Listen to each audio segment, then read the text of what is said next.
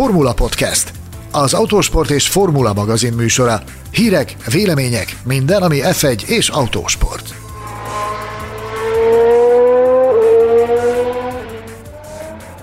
Melyik pilóta megy és melyik marad 2021-ben? Hova szerződnek a versenyzők a következő évadban? Üdvözlünk minden szurkolót, podcastünk 51. adását hallhatjátok. Köszöntöm kollégáimat Mészáros Sándort és Gellérfi Gergőt. Tisztelettel üdvözlök mindenkit, sziasztok! Nagy-nagy szeretettel köszöntelek titeket, hello! Engem Betlen Tamásnak hívnak. Mai műsorunkat az átigazolási szezonnak, a plegykáknak és a lehetséges 2021-es pilóta, illetve csapatfelállásoknak szenteljük. Tartsatok velünk! Az első hír, amit szolgálati közleményként el kell mondanom a mai műsorban, az az, hogy a múltkori kengurus események után, nevezetesen, hogy elkoborolt két kenguru a Miskolci vadasparkból, egy újabb vadállat tartja izgalomban Miskolc autósport szerető, közismerten autósport szerető közönségét. Nem tudom, hogy hallottatok erre róla. Mármint vadállat címszólat nem te magadra gondolsz, ugye? Na, hogy Na, ná, hogy hallottunk, sőt, talán elárulhatjuk a hallgatóknak, hogy a Gergővel a hétvége folyamán több ízben is beszéltünk arról, hogy bár le van szervezve az, hogy ezen a mai napon te is csatlakozol hozzák a podcast felvételben, de féltettünk téged ettől a bizonyos vadállattól, ami egy medve, ami terrori, terrorizálja Miskolc térségét. Reméljük, hogy semmiféle bántódásod nem esett, és nem bukkant fel a kertben a medve. Nézzetek utána az interneten egyébként mindenképpen. Vannak videók róla, hogy közlekedik. Elképesztő. Elképesztő. Én nem tudom, én, én azt is megkockáztatom, hogy a kivétel erősíti a szabályt. Tudom, hogy milyen nagy marhaság ez.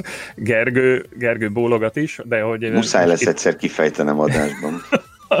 de, de ki kell tennünk egy, egy olyan posztot, ahol a, autóval üldözik a, a, a miskolci fiatalok a, a szegény medvét, úgyhogy tulajdonképpen is kötődhet valamiféleképpen az autósporthoz, természetesen rettentően elítélendő. Szegről végről.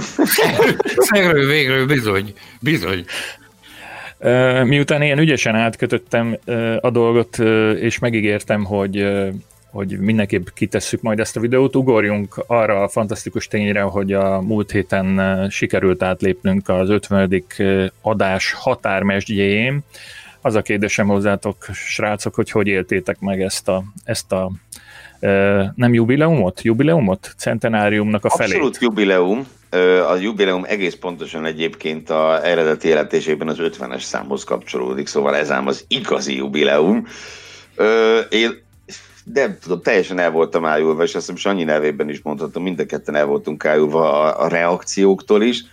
Rengeteg, a szokottnál is több reakciót kaptunk, ugye mindenek előtt a Formula Podcast Facebook csoportban erre a, erre a listára. Nagyon konstruktív vélemények is érkeztek.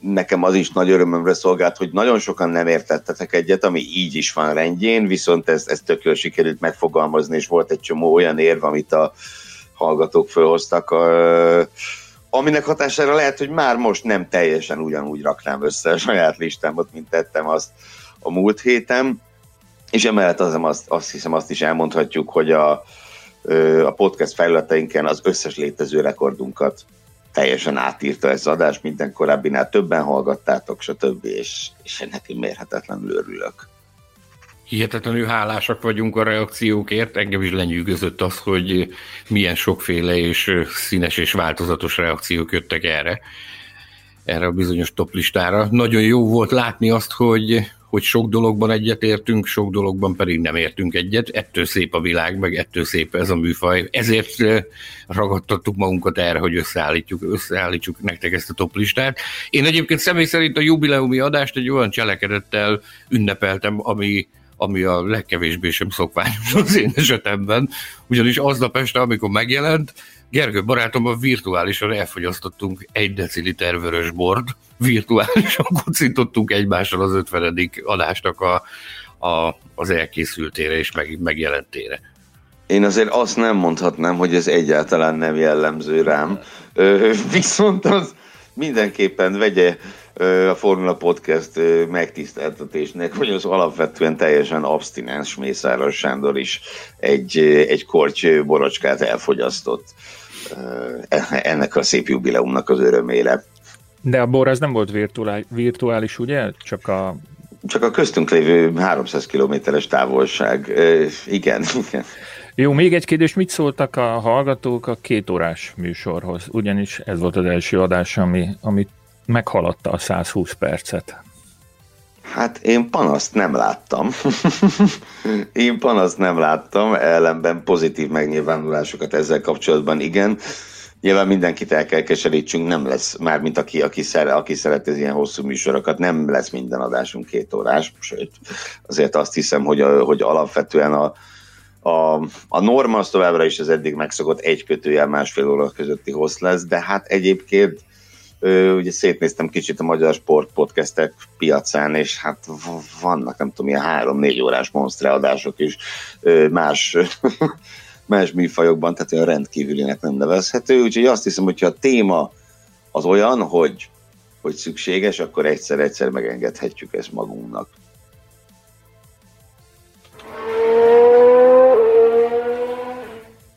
Egy kicsit utána néztem annak, hogy milyen gyakran foglalkoztunk átigazolási hírekkel, és gondolom ezt minden hallgató tudja, akik a legelejétől velünk vannak, azok meg talán meg is hallgatták ezeket a műsorokat, hogy voltak speciális adások, amelyek kifejezetten azzal foglalkoztak, hogy Fettel távozik, Sainz érkezik, Alonso visszatér Fettel az Aston Martinnál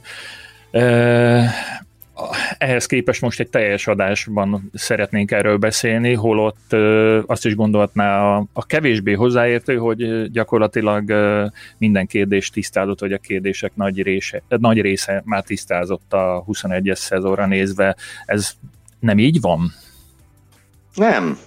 röviden, röviden nem. Ugye, ha végignézzük a, a, a felállást, például ha egyszerűen kinyitjuk a Wikipédiát, akkor azt látjuk, hogy a, az összesen ugye 20 helyből hivatalosan 11 ö, kelt el a jövő évre, és ebből a 11-ből kettő az, mint az el fog hangzani az adásban, lehet, hogy mégiscsak bizonytalan lehet, veszélyben lehet. Ö, emellett van egy-két olyan pozíció, végig fogunk majd menni az összes csapaton, ahol, ahol borítékolható, hogy ki lesz ott, hogy más nem mondjunk, hogy a Lewis Hamiltonnak még mindig nincsen szerződés a jövő évre, borítékolt, hogy ki lesz ott, de még sincsen ez a szerződés aláírva. Szóval, szóval azt hiszem, hogy van miről, van miről beszélni, és talán most van az a pont, nem tudom, Sanyi egyetértesz amikor úgy érdemes áttekinteni a, a helyzetet, mert, mert küszöben állnak a bejelentések, valószínűleg több csapatnál is. Rengeteg, most már tényleg rengeteg plegyka van, néhány egészen hajmeresztő is, úgyhogy, úgyhogy ezek között valószínűleg most van itt az ideje kicsit rendet tenni, és megpróbálni áttekinteni azt, hogy mondjuk ezekből a plegykákból, amik fölmerültek az elmúlt hetekben, hogy, hogy Esteban Okont elküldik, hogy, hogy George Russell-t elküldik, stb. stb. hogy minek lehet valóság alapja, és minek nem. Olyan elképesztő pusmorgás áradatot szabadított ránk a szakma az elmúlt néhány hétben a pilóta piacsal kapcsolatban, hogy tényleg érdemes megállni egy, egy, egy pillanatra és elgondolkodni azon, hogy sorba vegyük azt, hogy mi az, amivel érdemes foglalkozni, és mi az, amire érdemes legyinteni. Megpróbálunk választ adni ezekre a kérdésekre, de hát ugye mi sem vagyunk tévedhetetlenek, de azért megpróbálkozunk újra lehetetlennel. Még egy hatalmas közhely, ami a Gergő kedvéért, ami eszembe jut, és mostában nem tudom miért ilyenek jutnak eszembe. Szóval minden szerződés annyit ér, amennyit betartanak belőle. Tartja Na, a teljesen igazad van. Kérdezd meg Sergio Perez, mindjárt hívjuk is föl gyorsan. Mit gondol erről? Hogy erről meséljetek még nekem, hogy ti, ti hogy látjátok, hogy azért a Forma 1-ben beszokták-e tartani a, a szerződéseket, vagy, vagy inkább inkább felülírják a, az aktuális történések az ilyen jellegű dolgokat, mint papír és aláírás. Én azt szoktam mondani ezzel kapcsolatban egyébként, amikor ez a téma felmerül, hogy a szerződések azért vannak, hogy felbontsuk azokat. ez, a Form ez különösen igaz. Nyilvánvalóan azért minden fél igyekszik olyan szerződést írni, és olyan szerződést szerkeszteni magának, ami a létező legjobban szolgálja a saját érdekeit. Na most nyilvánvalóan olyan szerződés nincs, amit, amit nem lehet felbontani, adott esetben olyan eltántorító tényezők vannak, amik, amik le, tehát úgy, amik miatt úgy döntenek adott esetben a felek, hogy mégsem bontják fel azt a bizonyos szerződést, a, a következmények azok, amikre mindig gondolni kell. Tehát, hogy, hogy milyen kompenzációt kell fizetni adott esetben egy csapat részéről egy, egy versenyző irányába, abban az esetben, hogyha ideje korán felbontják azt a bizonyos szerződést, vagy az, hogy, vagy az, hogy milyen jogi következményei lehetnek. Ugye láttunk már olyat, hogy egy felbontott szerződés miatt nagyon sokáig tartott a pereskedés. Hajaj, hát igen. Ugye, a, tehát ezek a szerződések azért azt hiszem, hogy túlnyomó rész, csak hogy próbálják még a Tamás kérdését próbálja hogy más szempontból megközelíteni, túlnyomó részt nyilván betartják őket, elsősorban mi a hosszot illeti. Tehát a legtöbb esetben, ha egy versenyző aláír két évre, akkor az, az azt jelenti, hogy akkor a következő két évben ott lesz. De nem a cél, az, a cél az, hogy két évig ott legyen. Így van, így van, aztán, aztán vagy történik egy közös, közös megegyezés, mert olyan van, hogy valóban közös megegyezéssel történik a szerződésbontás, hogy mindkét fél úgy érzi, hogy jobb lesz külön, hát az a, az a legtisztább dolog.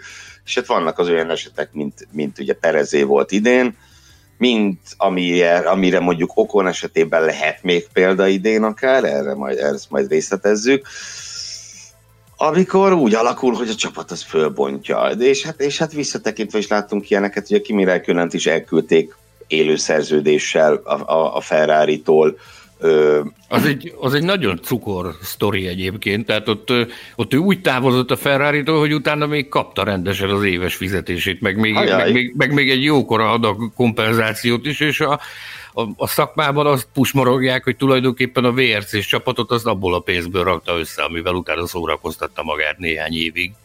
Hát abszolút hihető. És akkor még egy, aztán nyilván vannak az olyan extrém szituációk, amit azt mondom, hogy profi csapat ilyet nem csinál, Aztán 2014-15-ben az Auber mégis elkövette, ugye, hogy legalább négy versenyzőjük volt szerződtetve, és ugye most nyilván egy kicsit kellemetlen emlékeket idézve, de ugye ott olyan sztori is volt, hogy, hogy még a Jules Bianchi-nak szegénynek is volt egy szerződése, csak aztán ugye ő történt, ami történt Suzuka-ban, tehát hogy ő lett volna az ötödik. Tehát, hogy egy négy-öt versenyzőnek volt szerződése 2015-re, többenetes. Van der Gaard a mai napig ö, kellemes sztorikat mesél arról, hogy, hogy tulajdonképpen lehet, hogy jobban járt azzal, hogy, hogy ő is beszaladt ebbe a csőbe, hogy aláírta a szerződést Monisha Kaltenborra, mert szakított tőlük akkor a kompenzációt, hogy évekig jó megélt belőle, és tisztességes haszonra tett szert ezáltal. Ugye az volt a legpikánsabb sztori ennek, ugye ő, ő perelte őket, ő elutazott Melbourneben, ott ment a, a kötő húzás, hogy izé, bizony, be is öltözött, overán, bizony, meg bizony, szambázott a garázsban. Bizony, bizony, bizony, bizony, az egy kőkemény sztori volt, és ez nem volt olyan nagyon régen. Az imént kiderítettük, mennyit is ér valójában egy szerződés, és mennyit tartanak be belőle a Forma 1-ben. Essünk neki tehát akkor a csapatoknak, illetve a pilótáknak lássuk, hogy kik azok a versenyzők, akik már teljesen biztonságba érezhetik magukat 2021-et illetően. Természetesen a McLarennel kell kezdenünk, illetve a Ferrari-val, melyiket választjátok? Hát tulajdonképpen Kezdjük mondjuk a Ferrari-val, ugye McLaren és a Ferrari az a két csapat, ahol már nincsen kérdés, ahol nem csak, hogy mindkét pilóta szerződéssel rendelkezik, hanem, hanem ezek a szerződések, ezek amennyire lehetnek Form 1 szerződések, akkor betonbiztosnak tűnnek, és, és nincsenek igazán plegykák arról, hogy, hogy változás történhetne ezekben. Ferrari-nál ugye Fettel távozása után Carlos Sainzot igazolták le a helyére, hogy ő ennek mennyire örül jelen pillanatban, mennyire nem arról, azon élcelődtünk már jó párszor, minden esetre, hogy a Ferrari, a Leclerc, Sainz kettőssel fogja megkezdeni 2021-et. Nem tudom, Sanyi, látsz-e akár csak szikrányi esélyt is arra, hogy ez ne így legyen? Egyáltalán nem látok, és azt szeretném megjegyezni egyébként, hogy azt ritkán emlegetjük, hogy ugye Leclerc szerződés az egy történelmi szerződés. Ferrari pilótával még soha nem kötött olyan hosszú szerződést, mint amilyen a Leclerc, ha emlékeim nem csak öt évre szóló ö, szerződése. És az igazság az, hogy én nem látok egyik részről sem Talán a Science hogy nyilvánvalóan ugye a világ sajtó köszörüli a nyelvét rajta, hogy nem meggondolta meg magát, de a jó Carlos ezt minduntalan hangsúlyozza, hogy esze ágában sincsen, sőt, inkább a kihívás látja és feli rá a fogát, hogy, hogy ő ehhez hozzáteheti a magáét, hogy elmozdítsák a ferrari a, a gödör mélyéről. A McLarennél úgy szintén én atombiztos szerződéseket látok, tehát ott én nem gondolnám, hogy bárkinek a fejében is ez felmerülne, hogy, hogy változtassanak, nincs miért.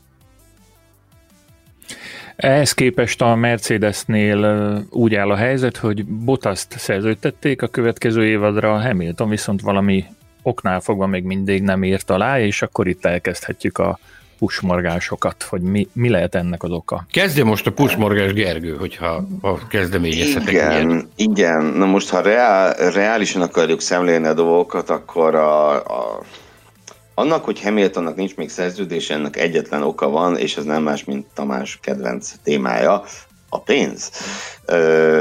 A sajtóban azért lehet arról olvasni, hogy itt, itt megy a húzavona, többek között a, a, Honda, a Honda kiszadásáról szóló adásban meg is pedzegettük azt, hogy, mm, hogy, hogy a Mercedes joggal érezheti úgy, hogy nem feltétlen van neki szüksége horrorisztikus pénzt kifizetni évről évre El Hamilton irányába, hogyha például felszabadulhat Max Verstappen is, tehát ezzel, ezzel akár egy icipicit ilyen zsarolási pozícióba is kerülhet a Mercedes jelezvén azt, hogy hát gyerekek, azért van más, van más, akit tudunk szerződtetni. Úgyhogy ez valószínűleg a pénzről szól csak. Én hónapok óta így vagyok, és továbbra is azt mondom, hogy olyan 99%-ra teszem azt, hogy Hamilton marad a Mercedesnél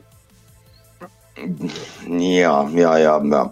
Az, azt nem tudom, vagy azon gondolkodtam még el, hogy, hogy egyértelmű az, hogyha mégis bejön az egy százalék és távozik, akkor kijön a helyére, mert szerintem az. én is ezt látom, én, én kivárást látok ebben a sztoriban.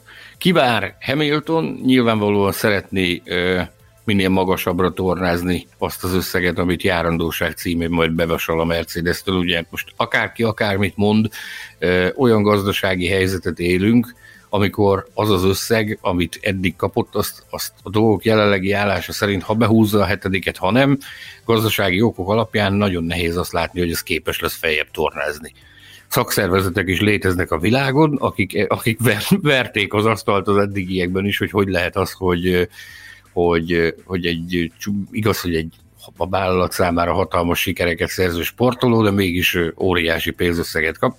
Ezt Cece, doktor, aki ugye a Mercedesnek, a Daimlernek a leköszönt vezérigazgatója, ezt több ízben nyíltan is felvállalta, hogy neki kőkemény harcokat kellett vívnia a, a belső vállalati szervezetekkel annak érdekében, hogy ez a program ebben a formában fenntartható legyen.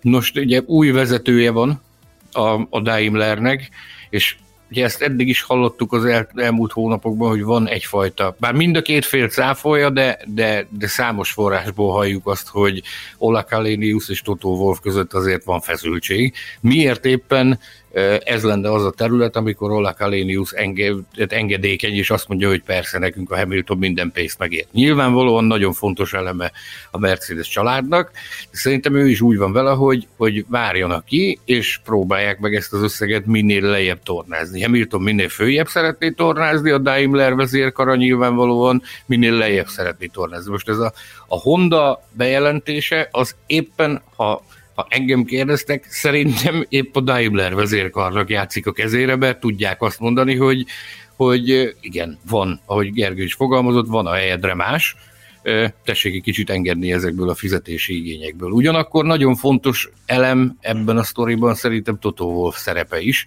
ami még mindig nem tisztázott, hogy Toto Wolf a, a hát ugye résztulajdonos és sportigazgató csapatfőnök egyben, ügyvezető igazgató, eh, résztulajdonos és csapatfőnök egyben a Mercedesnél, de még mindig nem tisztázódott az, hogy ennek a felállásnak az év végi lejárta után, hogy milyen szerepkörben maradt, maradt tovább a Mercedesnél.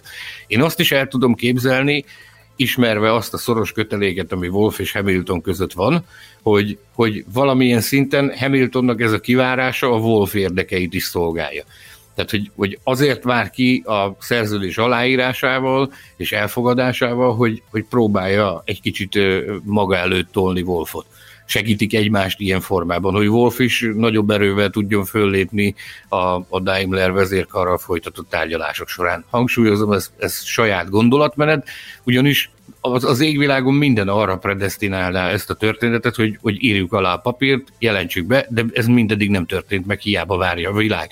Valaminek kell lennie a háttérben, én ilyen okokat tudok elképzelni, hogy ez az, ami miatt ez a szerződés hosszabbítás még nem történt meg. És hogyha megyünk kicsit a valószínűtlen forgatókönyvek irányába, én a következő, tehát ha bejön az én egy százalékom is Hamilton bárhogy, bárhova, de, de távozik, akkor én, én azt, azt látom, hogy akkor, akkor fölviszik a russell 2021-re, és ugye a Verstappen kapcsán meg ugye miről szólnak azok a plegykák, pusmorgások, hogy az ő lelépési lehetősége ugye 21 végén aktiválódhat a Red Bulltól, és akkor 22-ben Verstappen Russell szuperpáros a, a Mercedes istálónál. De, mint mondtam, ennek azért nagyon-nagyon csekély esélyét látom. Hozzáteszem, a holland sajtó már taglalta ezt a, a történetnek ezt a részét, hogy, hogy mi, lesz, mi lehet akkor, hogyha mondjuk összeállna 2022-ről Verstappen Russell álom páros, ugye két a jelenlegi felhozata két kiemelkedő, kiemelkedően tehetséges versenyzőről beszélünk, és a, a holland sajtó egyértelműen oda tette a garast, hogy ez lenne a legegészségesebb felállás. A Mercedes számára is, hosszabb távon, illetőleg a két versenyző számára is ez egy egészséges párosítás lenne. Ugye lenne a Russell személyében valaki, aki, aki nem lenne rest meghúzogatni a, a Verstappen pejhedző bajszát, és, és ez egy egészséges versenyhelyzetet teremtene házon belül. Tehát a holland sajtó ezt szeretné, hogyha ez megvalósulna 2022 Ettől függet, ettől függ, 22-ben még el is tudom képzelni, ettől függetlenül mindamellett, amit elmondtunk, ha tippelni kellene, én azért a Bottas Hamilton papírforma tippet jósolnám 21-re a Mercedesnél. Jó magam is. Na most ahhoz képest, hogy ennyire biztosak vagytok magatokban, elég sokat tudtunk az egyéb lehetőségekről beszélni. Lássuk a következő listálót, ahol szintén csak egy biztos szerződéssel rendelkező versenyző foglal helyet a jövő évi listán. Ez az Aston Martin és Sebastian Vettel, aki, aki büszkélkedhet egy hivatalos papírral és nem az a Stroll, aki, akinek az apukája tulajdonolja Na, a, itt a csapatot. Most találtad fején a szöget, tehát az apukája birtokolja a csapatot, mhm. igen, hallottunk olyan plegykákat is a nyár folyamán, hogy, hogy mi lenne akkor, hogyha mégis csak a saját csebetéjének mutatta meg a kiáradott Stroll apuka, de ez ugye több ízben is elhangzott, hogy ez gyakorlatilag elképzelhetetlen ő olyan helyzetben van, hogy ide már nem kell papír. Azt ugye biztosnak érezze magát a helyét, biztosnak érezze a saját helyét az Aston Martinnál. Ez egy olyan szitu, amihez már nem szükséges szerződés. Létezik egyébként a szerződés, erre rámutatott ott már Safnauer több ízben különböző sajtóeseményeken, hogy, hogy van neki is szerződése, hosszú távú szerződése van, és nem szükséges megújítani évről évre. De hivatalosan nincsen bejelentve, viszont azért az, a, a, nem tudom, ennyiből nekem kicsit hasonló helyzet, mint a Mercedes, hogy ugye hivatalosan csak egy versenyző van bejelentve, gyakorlatilag biztosra vehető a másiknak a személye, de hogyha itt is, tudom, ezt feszegettük többször, de azért én megint fölvetném, hogy ha már itt mondtad a Wolf és Hamilton közötti kapcsolatot, uh, ugye van egy erős kapcsolat Wolf és Stroll között is, mármint az öreg Igen. Uh, Stroll között. Az, hogy itt nincsen megerősítve az, hogy 2021-ben is Lance Stroll lesz az Aston Martin másik versenyzője, az az előző sztorival nem függhet össze szerinted? Mm, elméletileg igen. Miért ne függ? Nagyon jó egyébként a felvetésed. Nagyon jó a felvetés, hogy milyen üzleti érdekek, kivált kép, hogyha a, a, a Stroll Klárról beszélünk, ott képesek azért felülírni ö, különböző érveket, meg, meg különböző szituációkat, úgyhogy adott esetben még akár ez is előfordulhat, de bár én, én kevésbé hiszek ebben, hogy, hogy ez megtörténhet. Én azt gondolom, hogy, hogy Stroll apuka a, a csemetéjét bent fogja tartani egy ilyen emelkedett pillanatban, amikor egy ilyen nagy brandet hoz meg a Forma 1 Szerintem, szerintem rettenetesen akarja azt, hogy az ő fia ennek része legyen. És bár... Bent tartanál szerinted egy Fettel-Hamilton páros elérhetőség esetén is? Kérdés az, hogy elbírna-e ez a, ez a budget egy Fettel-Hamilton párost? Mondjuk ahogy a Fettelt szerződtették, tehát amilyen, amilyen pénzügyi feltételek mellett szerződtették, úgy mondhatjuk azt, hogy tulajdonképpen őt diszkontálták ilyen tekintetben. Eléggé. Eléggé. Azt, hogy a, a Stroll pénztárcát és a Stroll bankszámlát nézzük, az, az amennyiben hihetünk azoknak az egyébként meglehetősen komoly forrásokból származó információknak, akkor, akkor Strollnak ez nem fog egy óriási pénzbe kerülni, ez az Aston Martin koncernnek fog sok pénzbe kerülni, tehát ott, ott volt a, a varázslat, ahogy, ahogy ezt összehozta, hogy szerzett egy világbajnokot, úgyhogy neki ez nem került olyan, olyan őrületes pénzbe. Más kérdés az, hogy, hogy ha hozza egy hamilton akinek azért ugye fajsúlyosak a fizetési igényei, jóval fajsúlyosabbak, mint a Fettelé, még abban az esetben is, hogyha nem te fizeted a, az ő versenyeztetését, hogy találsz-e forrást arra, meg akkor is, hogyha esetleg még ő is enged valamennyit a fizetési igényeiből, hogy találsz -e olyan forrást, amiből ezt tudod finanszírozni. Nekem, nekem itt bukik ez a történet. Én ezért nem látom, hogy összeállhat a Fette Hamilton páros 2021-ben. Megint azt mondom, ha tippelni kell, akkor, akkor Fettel Stroll. De gondolom ebben megegyezhetünk. Igen, igen. Ugye ez egy ilyen kapcsolt fogadás lenne, hogyha a tips mixen játszanánk meg, hogy mennyi annak az esélye, hogy Hamilton nem marad a, a Mercedesnél és az Aston Martinhoz szerződik. Szerintem elég kevés illetve elég nagy otccal lehetne erre fogadni, de nekem egy olyan... Egy, egy a 200-nál már fogadnék rá annyit megér. Egy De... 200-nál ezer forintot oda tennék erre a sztorira.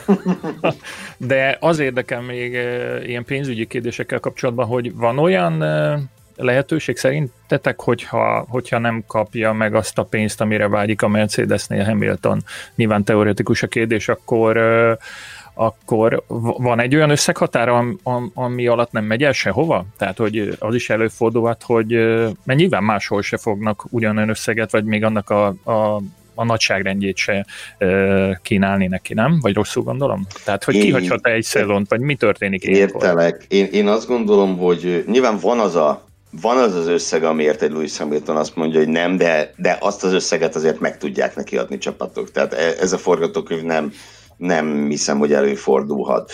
Ö, tehát most mondok egy extrémet, hogyha sehol se kapna, ugye jelenleg ilyen 40-50 milliós nagyságrendben mozog a fizetése, nem forintban, ha sehol se kapna 5 milliónál többet, valószínűleg azt mondaná, hogy akkor menjetek a fenébe, és megyek én is, de hát azért meg bárhol megkapja. Tehát ö, szerintem nagyon sok olyan istáló van, amelyik, ö, amelyik egy két számjegyű, akár kettessel kezdődő összeget egy Louis Hamilton kiszorítana.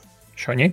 Van neki, van neki elegendő tennivalója. Abban az esetben, hogyha, hogyha itt nem kezelik őt a helyén, vagy, vagy olyan ajánlatot kap, ami, ami tényleg elfogadhatatlan. Én úgy gondolom, hogy ő is a kompromisszumot keresi, ő is a megoldást keresi, hogy, hogy helye legyen neki a mezőnyben, de adott esetben, hogyha mégis úgy alakulna, hogy, hogy tényleg méltatlan körülmények között tudná folytatni a versenyzést a Form 1 én azt gondolom, hogy ő simán bemondhatná azt, hogy akkor köszönöm szépen, ebből nem kérek.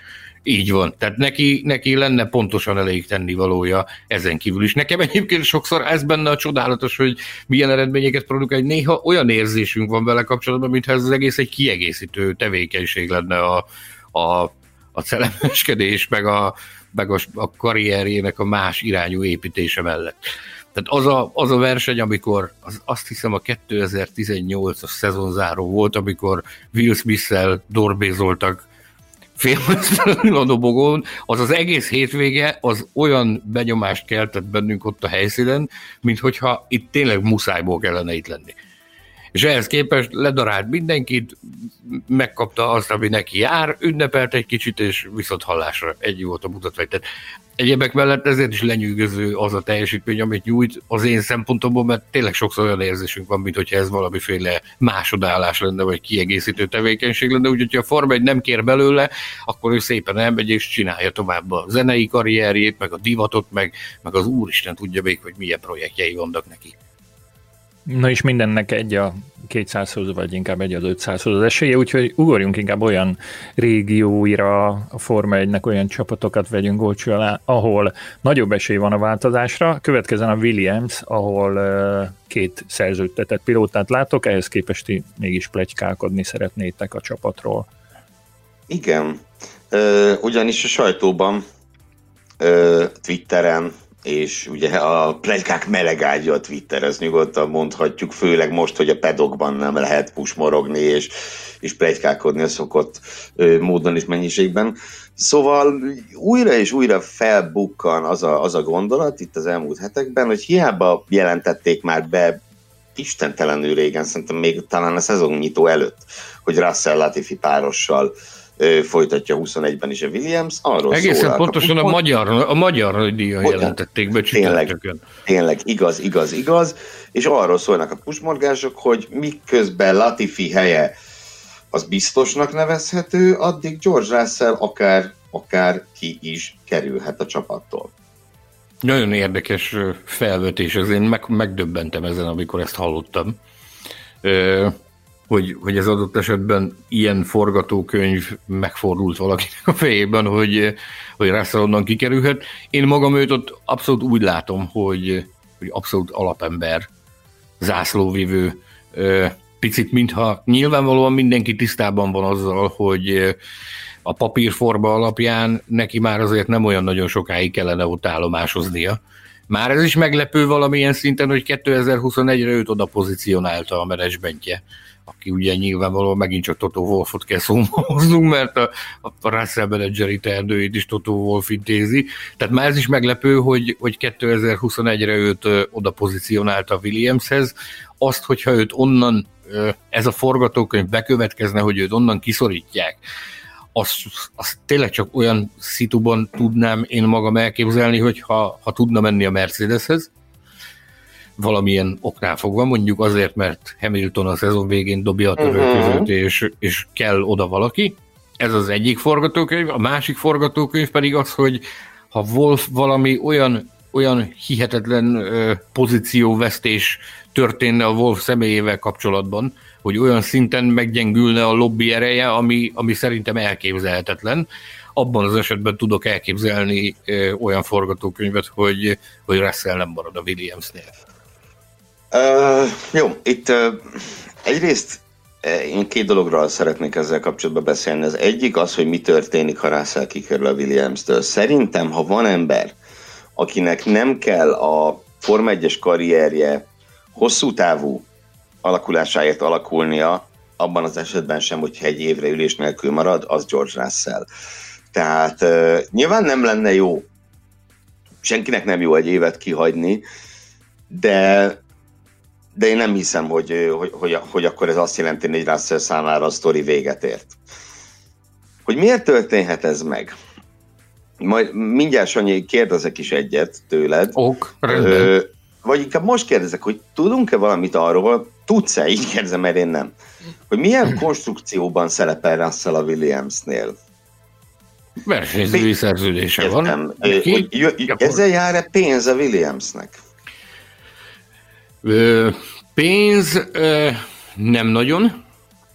Pénz nem nagyon. Valamicske nyilvánvalóan csúron csöppen, de ez ö, legjobb tudomásunk szerint ez a, a, a hajtáslánc, tehát a, a hajtómű transfer kapcsán jelenik meg, igen. Uh-huh, igen. Uh-huh, uh-huh. Mert ugye a hírek elsősorban uh, Sergio Perez emlegetik, hogy Perez lehet az Aston Martintól Fettel kedvéért ki ebrudalt, ki akolbólított Perez lehet az, aki beül a Williams-be Russell helyett. És őszintén megmondva, én ennek látni vélem az értelmét. A Williamsnél valószínűleg ugyanúgy tudják, ahogy arra most te is utaltál, hogy George Russell már nem lesz ott sokáig. Legfőjebb, tehát jövő szezonon túl valószínűleg már nem lesz ott a Williamsnél. A Williamsnél új tulajdonosok vannak, akik ugye... Na, ez egy bele... érdekes terület. Ez egy érdekes terület. Most tévedtél a legérdekesebb területre. Ezekről Azt hittem, most túl... tévedtem a legérdekesebb. Én, én is megijedtem.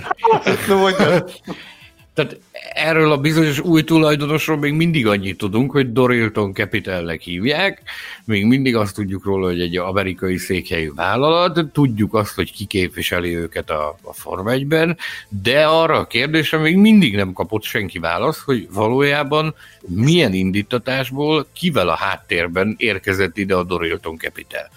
Kicsit Ezt olyan rejtélyez, mint annó, hogy kifizette Marcus Ericsson karrierjét, nem? Pont, a, körülbelül igen. Egyébként. Igen. Érthetetlen. Igen, igen, igen. Belső forrásokból azt halljuk, hogy, hogy Matthew Savage, ez, a, az az új ö, erős ember, aki, aki a Dorilton képviseletében ö, tesz vesz a Williamsnél, hogy ő folyton folyvást azt állítja, hogy itt nem kell ö, bevizionálni semmiféle fantomerőt a színfalak mögé, hogy ez egy a vállalatnak ez a döntés, ez megszületett, de ezen, ezen, ezen szerintem a csapaton belül is ugyanúgy röhögnek, mint ahogy mi röhögünk.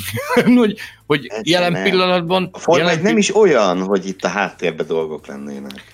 Maradjunk annyiban, hogy a csillagok jelenleg gazdasági tekintetben nem úgy állnak az égen, hogy itt rohanni kelljen ide, és itt, itt bevásárolni magad, és komplet csapatnak a, a működtetését bevállalni. Teljesen nyilvánvaló, hogy ehhez a dolgok jelenlegi állása szerint valamilyen súlyos indíték kell, és ezt még mindig nem látjuk hogy mi ez, a, mi ez az indíték. Tehát ezt lehet hogy, lehet, hogy majd csak sokkal később fogjuk megtudni, lehet, hogy az is lehet, hogy tényleg ez az igazság, hogy valakik ebben láttak fantáziát, hogy egy, egy egy felszálló ágban levő nagymúltú Form 1 istálót megvásárolni, nem tudhatjuk. Egész addig nem tudhatjuk, amíg valaki szinten van ezzel kapcsolatban.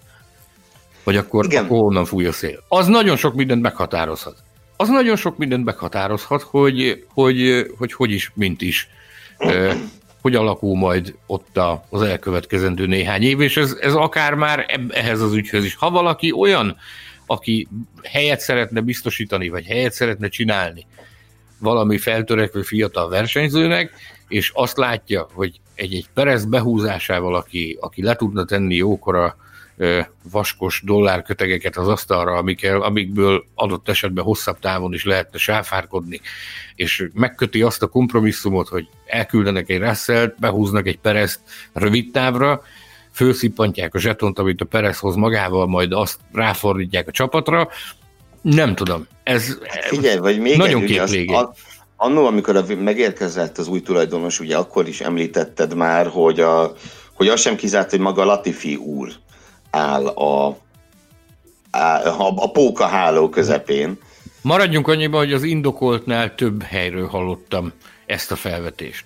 Mert ha viszont így van, akkor ugye nem, nem még egy embernek akar helyet csinálni, hanem a, már ott lévő, bocsánat, Nikolász Latifinek a helyét megtartani és kiépíteni, és akkor viszont ugye tényleg azt mondod, hogy behúzod a perezt, akár nem rövid, hanem középtávra, hozza a pénzt, hozza a rutint, és hát a csapatépítésben meg alapvetően azért nem illik bele egy olyan srác, akiről már tudod, hogy nem a tied, mint Russell, tudod, hogy el fog menni, és azért ő is fiatalka. Tehát, hogy igazából a, ebben a sztoriban én, én, én látom az értelmet, a logikát, és a magam részéről, csak hogy ne csak a papírformára menjünk, én a kis házi tippjátékunkban én be is tippelem a magam részéről a Latifi Perez párost 2021-re a Williamshez. Oh.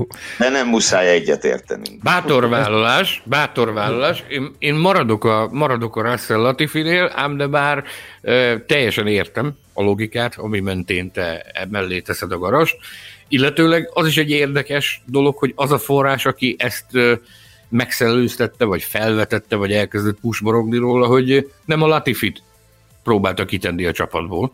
Tehát ő nem azt vizionálta, hogy a Latifinek kell távoznia, hanem azt vizionálta, hogy Russellnek kell távoznia. Itt mintha lenne egy kis összefüggés, hogy adott esetben talán mégiscsak van valamiféle alapja annak a teóriának, spekulációnak, pusmorgásnak, hogy a Dorilton mögött valamilyen formában ott áll a Latifi család. Ez, ez már nagyon a sűrűje, szerintem. Ebben nagyon nehéz belelátni.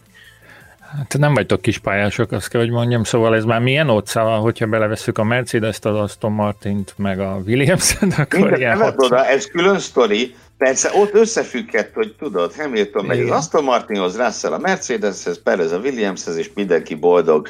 Nem. Azért Isten meg erre már nem fogadnék. Hát, ez, ez már nem. Ez így sok. Oké, okay, a nagymúltú Williams után akkor jöjjön egy, egy nagymúltú uh, autógyártó, a Renault, amely jövőre nem a saját nevén versenyez, ellenben uh, van két szerződtetett pilótája, ti mégis ismét pusmorogni akartok a dologról. Miért? Igen, igen, hát ugyanazt mondhatjuk el felvezetésként legalábbis, mint a Williams kapcsán, hogy itt is hiába van Alonso és, és Okon ö, szerződtetve a, a 2021-es szezonra, itt is szólnak arról a hírek, hogy lehet, hogy Fernando Alonso mégsem ezzel a franciával, hanem egy másik franciával az oldalán kezdheti meg a 21-es szezont. Na, az lenne még csak egy furcsa, furcsa, furcsa húzás. Annak fényében, hogy hogy került oda Estebanokon. Ugye emlékezhetünk arra, amikor lebegett nagyon sokáig a, a levegőben, hogy, hogy leszerződteti őt a Renault, Cyril Abitebul hegyeket mozgatott meg annak érdekében, hogy, le tudja szerződtetni Esteban Okont, majd amikor tényleg már minden készen állt ahhoz, hogy aláírják a papírt, akkor azokban a napokban bejelentette Abitebul és a Renault, hogy érkezik Daniel Ricardo a helyére. Ugye utána még abból volt is egy nagy összeveszés Abitebul és Toto Wolf között. Emlékszem még arra arra a sajtótájékoztatóra, amikor ez egyszer fölmerült a későbbiekben, hogy, hogy akkor lehet-e számítani arra, hogy Okon mégiscsak fölbukkan a Renault-nál, és arra azt válaszolta a Wolf, hogy akkor előbb Cyrilnek újra úriemberré kell válnia. Mert ugye létezett egy, egy, egy készfogásos megállapodás arról, hogy a szintén Toto Wolf által menedzselt Esteban Okon bekerüljött a Renaulthoz, de mégse került be. Na most ez, ez egy egészen furcsa fordulat lenne, hogy most végre ott van, most végre oda került. Ezt, tehát őt hajkurázták azért nagyon sokáig az elmúlt egy évben a Renaultsok is, az elmúlt másfél évben, tehát a tavalyi év tulajdonképpen erről szólt a, a színfalak mögött, hogy, hogy akkor ezt a transfert, ezt a dílt, ezt hogy lehet tető alá hozni, és most egy év után kitennék. Láttunk már karomvarjut, nem tudom. Meg őszintén én, ha fogadnom kellene, én nem biztos, hogy ezt beverném, beverném vállalni. Tudva azt, hogy, hogy Wolf áll ö, okon mögött, ott, ott biztos, hogy ott olyan kompenzációs díj és, és mi egymás, tehát olyan konstrukcióban fogalmazódott meg az a szerződés, hogy a Cyril Abitebul legyen a talpán, aki azt bevállalná, hogy, hogy szembe megy egy, egy ilyen szerződéssel és ilyen erőkkel, mint amik okon mögött munkálnak, ám de bár kétségtelen, tehát ha, ha, ha rajtam múlna, én, én, én nekem a gázli irányába húzna a tollam. Na ugye hát gázlit hozták, gázlit hozták hírbe a, a Renault-val. Ugye azt az a, az, a, az a spekulációnak a magja, hogy Pierre Gasly szabadulni szeretne az Alfa Tauri, tehát úgy mondom, hogy a Red Bull kötelékéből, mivel teljesen egyértelmű, hogy a, az anyacsapatnál, a nagy csapatnál ö, nem lesz neki helye, ezért szerette valahol életképes, vagy legalábbis valamilyen jövőképet biztosító ö, állást találni magának, és a Renault-ban látja ezt. Na most a kettőt összeteszem, tehát összehasonlítom a gázlit vagy az okon, nekem is a gázli irányába billen a mérleg, de mondom én azt gondolom, hogy olyan erők munkálnak az okon mögött, hogy hát elbitebbul legyen a talpán, aki ezt, aki ezt bevállalja. Igen, csak ugye a, most már a Renault-nál is munkál egy elég fajsúlyos erő, egy cápa egészen pontosan.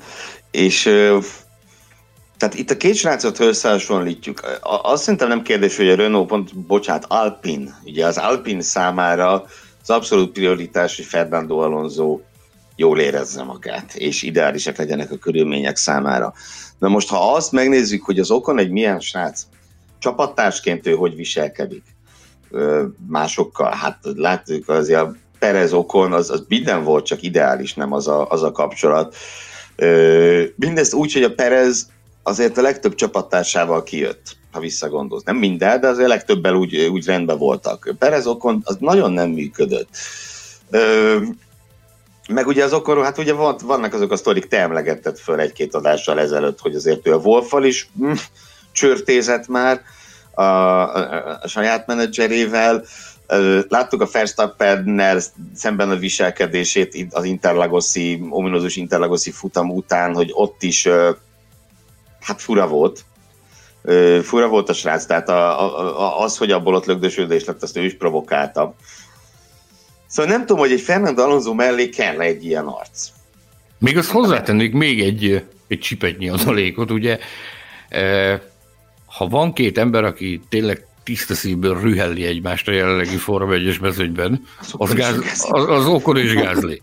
Tehát ö, érdekes a sztori, tehát ez akár egyfajta pszichikai hadviselés is lehet, hogy, hogy ezt valaki elkezdte valaki elkezdte terjeszteni, cáfolat pedig hát nem nagyon, nem nagyon érkezik, közben pedig teljesen egyértelmű, hogy az egyébként szerintem a külvilág által ö, okon teljesen másképp van megítélve, mint amilyen valójában. És ezek a szösszenetek, ezek nagyon jó rávilágítanak erre, amiket, amiket felsoroltál. Ugye az például nem is kapott, akkor írtunk róla több ízben, vagy talán beszéltem is róla több ízben azt, hogy, hogy tulajdonképpen okon, amikor a Force Indiánál volt állomásoztatva, és hírét vette annak, hogy Lökler a Ferrari Akadémiáról bekerül versenyzőként a Form 1-be, majd onnan utána a Ferrarihoz, akkor ő elkezdte verni az asztalt Wolfnál, hogy hát én Mercedes junior vagyok, nekem a Mercedesben a helyem.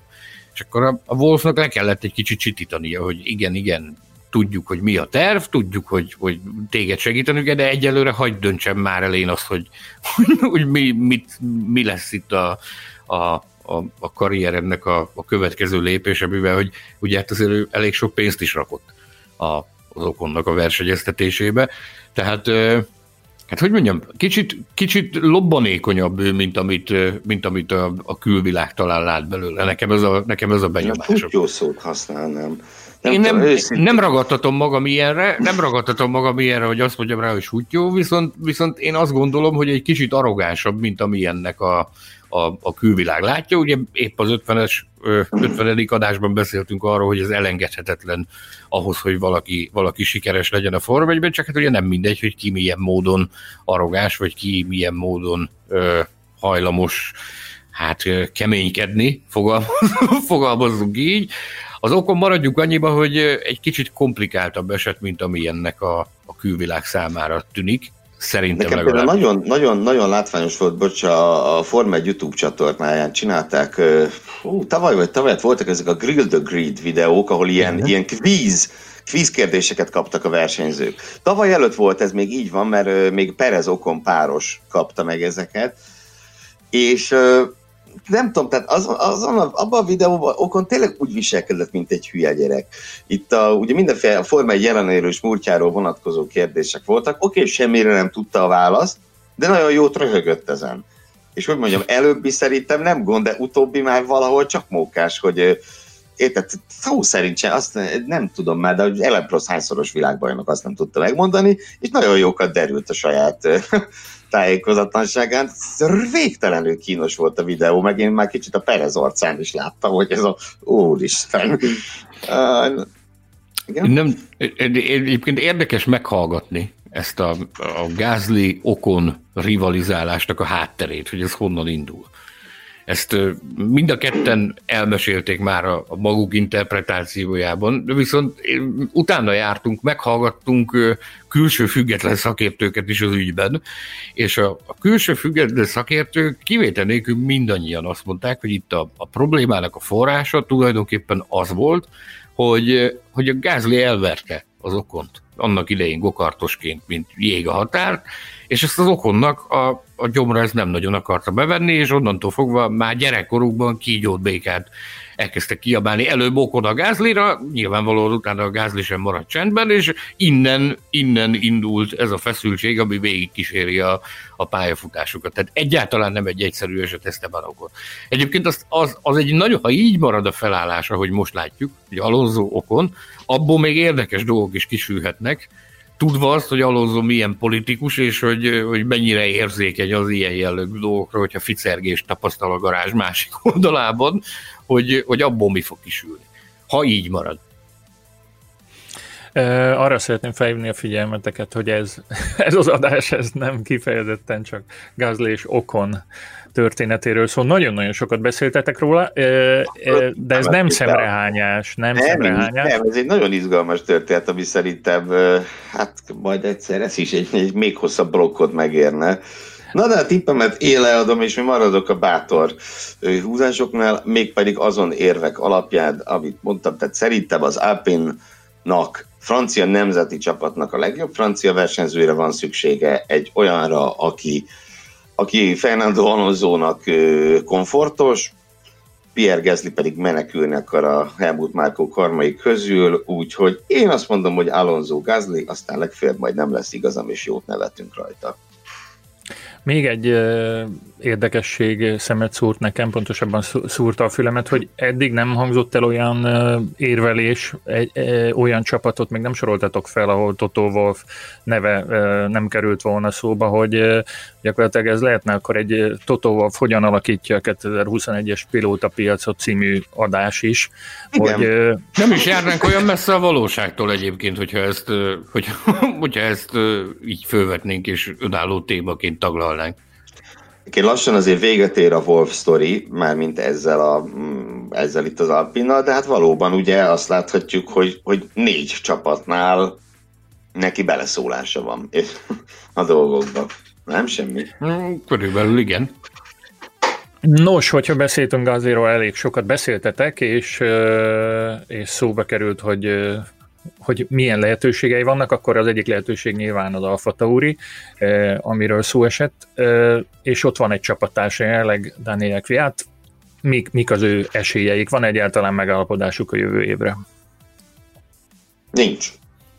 Olyan, amiről tudnánk, olyan, olyan nincsen.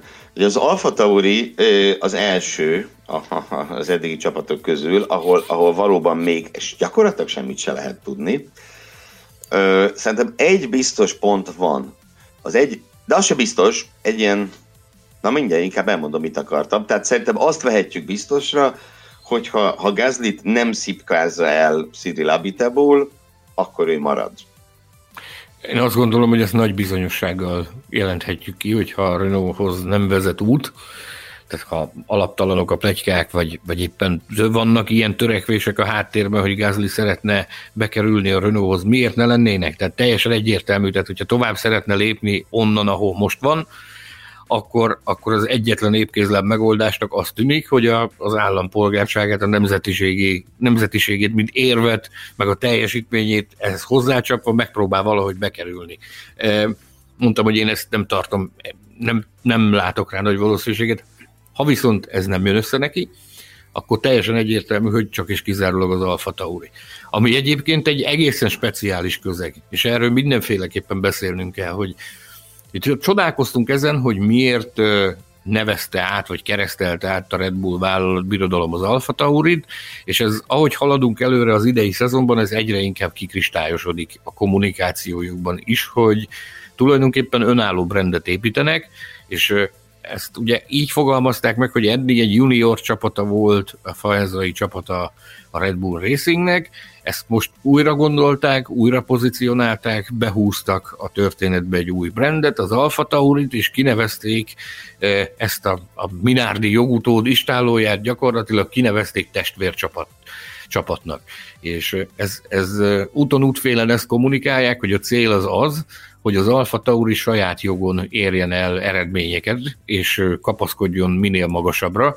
Megfogalmazódott egy, egy hosszabb távú terv ezzel kapcsolatban, hogy hogy szeretnék ők ezt felépíteni. Nyilvánvalóan itt most mindent keresztbe húzott a Hondának ez a bejelentése, de akik a kezükbe veszik a legfrissebb autosport és formula magazint, abban van egy hosszabb beszélgetés Pierre Gasly, valamit néhány nappal a a monzai futamgyőzelem után bonyolítottunk vele, és ott részletesen beszél erről, hogy milyen elképzelés fogalmazódott, meg milyen víziója van a Red Bullnak az Alfa Taurival kapcsolatban, és ott deklarálta azt is, hogy ha magasabbra nem vezet az út, akkor neki az egy, az egy járható út, hogy ebben a projektben szerepet vállal, és adott esetben a kezdeményezésnek az élére áll. Uh, igen, tehát ugye itt van az egyik ülés. Mondhatjuk, hogy Gázli, ha nem megy az Alpinhoz. A másik ülésnél, mm, ott lehet, hogy elhamarkodott kijelentést tettem egy-két hete, amikor vettük fel a hondás adást, akkor azt mondtam, hogy Yuki Cunadának ezzel valószínűleg becsukták a kaput, hogy a Honda távozik. Na ugye ehhez képest Yuki Cunada tesztelni fog. Járt már üléspróbán, és így tovább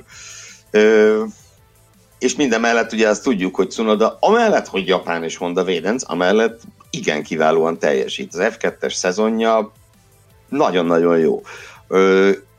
Megkockáztam Japán versenyzőként, tehát Kamui Kobayashi óta a legmeggyőzőbb utánpótlás produkciót nyújtja. Bizony, bizony.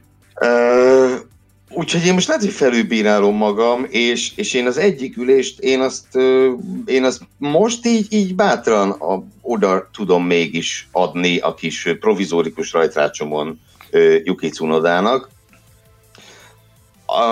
valami olyasmi forgatókönyvvel, hogy a 21 végülis még van Honda. Hondának valószínűleg még van is szava Főleg, ugye, hogy beszéltük, hogy lehet, hogy 21-en túl is van szava a Hondának azáltal, hogy esetlegesen ők, ahogy azt jelezték, és nyitottak arra, hogy valamiféleképpen tovább segítsék a Red Bull nak ennek a motor mm, Red, Bull szám, Red Bull hozzá segítség az, hogy életben tartsák ezt az erőforrást más néven, és így tovább.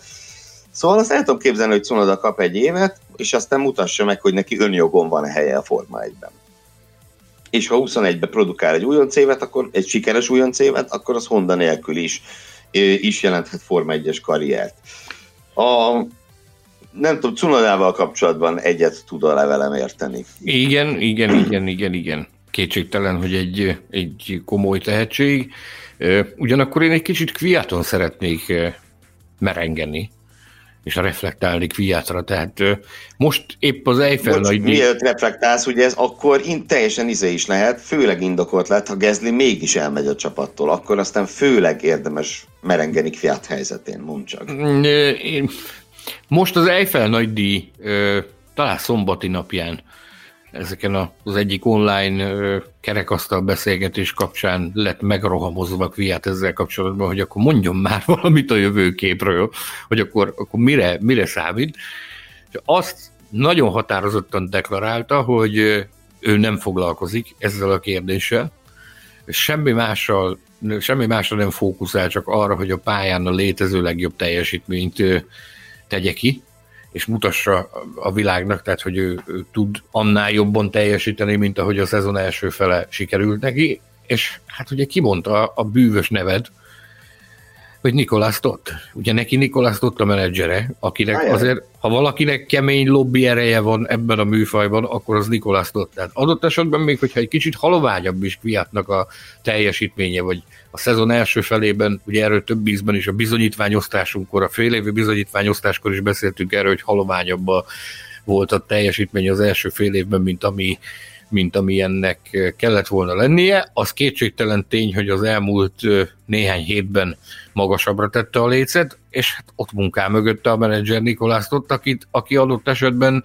vészterhes helyzetből is képes pozitívba fordítani egy történetet, tehát kép abban az esetben, ha bekövetkezne az, hogy a, hogy a, hogy a Gázli távozik a Renaulthoz. Akkor, akkor uh-huh, szerintem uh-huh. abban az esetben biztosan lehet esélye a maradásra, de, de tudva azt, hogy milyen erőket képes mozgósítani Nikolász ott is egy-egy ügy érdekében. Én megkockáztatom, hogy foggal körömmel fog harc, fognak harcolni az utolsó pillanatig, hogy, hogy Kviat maradhasson az Alfa Tauriban. Abszolút, tehát ugye a Wolf mellett talán a más, tehát a két legpotensebb menedzsernek nevezhetjük. Két menedzser fej, fejedelemről beszélünk. Abszolút, abszolút. Én is a tehát miután én, én Gezlit eligazoltattam a, az Alpinhoz, azt mondom, hogy Kviat marad. Mert ugye ki jöhet még szóba? Jöhetne szóba Álbon, nem fog. Erre, erre utalgattál is a múltkor, ugye ne részletezzük, hogy miért, mert ott még perképes kijelentés is elhangozhat, de hogy de hogy vannak olyan, olyan hírek Tájföldről, Google segítségével mindenki rá lehet, ami, ami azt mutatja, hogy Ábonnak a támogatottsága az, az, az elfogy. Elfogyhat. Elfogyhat. Igen, és mióta, mióta, mióta erről az ügyről hallunk, Tájföldről, azóta hallunk olyan jellegű kijelentéseket Helmut Márkótól, hogy hát ők bizony a, a külső piacon is nézelődnek.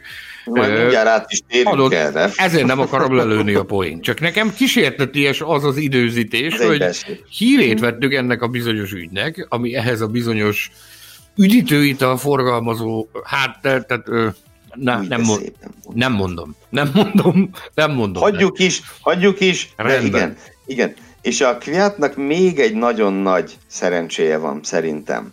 Bármi furán is fog ez hangozni, az pedig a koronavírus.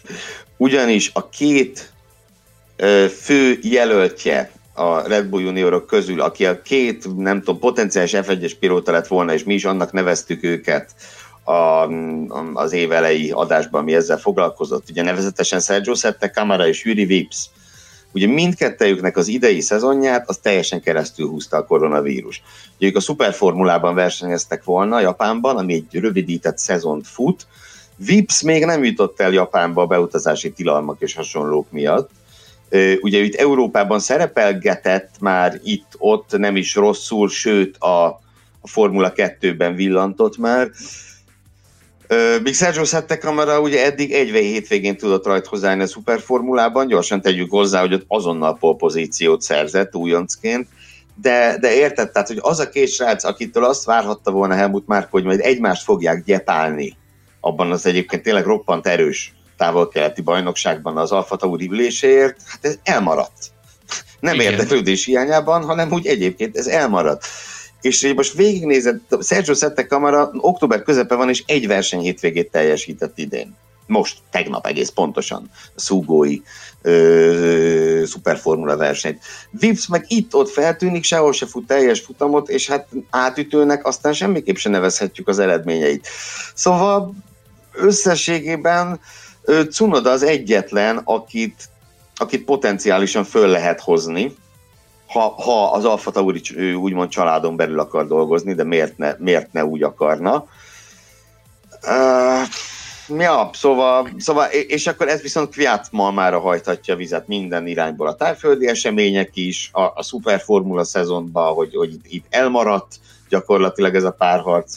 Az utánpótlás nevelésnek, az utánpótlás nevelést befagyasztott át, mert a koronavírus funyán. a Red Bull. Szóval én a magam részéről azt mondom Cunoda Kviat. Ja. Akkor eh, ez azt jelenti, hogy ezzel már kitárgyaltuk a, a Red Bull jövői csapat felállását is, mert annyi mindent elmondtatok Alborról, Felsztaperről, Felsztaperről meg nem nagyon kell mit mondani, vagy rosszul gondolom? De Alborról azt mondtuk el, hogy ő megy. Ott van egy szabad ülés a Red Bullnál. ezt szerintem ebben egyet érthetünk, hogy ezt, ezt biztosra veszük, hogy, hogy ott, ott lesz egy szabad ülés, sőt, még én, be, én bevállalom azt is, hogy ez még idén meg fog történni. Én bevállalom. vége előtt? Igen. Én, én, én bevállalom azt, hogy azt vizionálom, hangsúlyozom saját spekuláció, saját feltevés, de én szerintem az album nem fogja kihúzni a szezon végéig. A de akkor az ül a helyére, akire gondolok, ugye? Akár. Akár. Aki, aki, akiből kommentátort akar csinálni Helmut Márkó az elmúlt hétvégét. Igen, na, szóval Red Bull, oké, okay, ott jövő évre Verstappen beton biztos, azt hiszem ez nem, nem lehet kérdéses. És ugye nagyon beszédes az, hogy az a Red Bull, amelyik az anyacsapathoz Mark Webber óta nem hozott külső személyt, és aki egyáltalán Forma 1 nem hozott külső személyt 2008 Sebastian Bourdais óta, ugye a, a Toro Rosso-hoz ültette be Bourdait, na annál a Red Bullnál kezdett el Helmut Márkó két nevet emlegetni. Sergio Perez és Nico Hülkenberget. És ez egyáltalán nem tűnik olyan légből kapott dolognak, mindenek előtt azért, mert bentről ugye nem tudsz kit. Tehát az Albonnak mennie kell, pont. Nem lehet kérdéses, hogy főleg így, hogyha a támogatottság is eltűnik, ha, mint mondtam, ne legyünk perképesek, ha eltűnik mögül a támogatottság, akkor végképp neki, neki itt nincs maradása. A, a Gezlit visszavinni az anyacsapathoz, ez nem fog megtörténni. Ő sem akarja mindenek előtt. Egyre meg, több helyről meg halljuk ezt, hogy ő sem akarja. Ő sem akarja. Tehát ezt, meg a Gezli többre érdemes annál, mint hogy a Verstappen lemészárolja. Daniel Kiatot fölvinni, hát az is a minek. Miért? Az meg szakmailag teljesen indokolhatatlan lenne.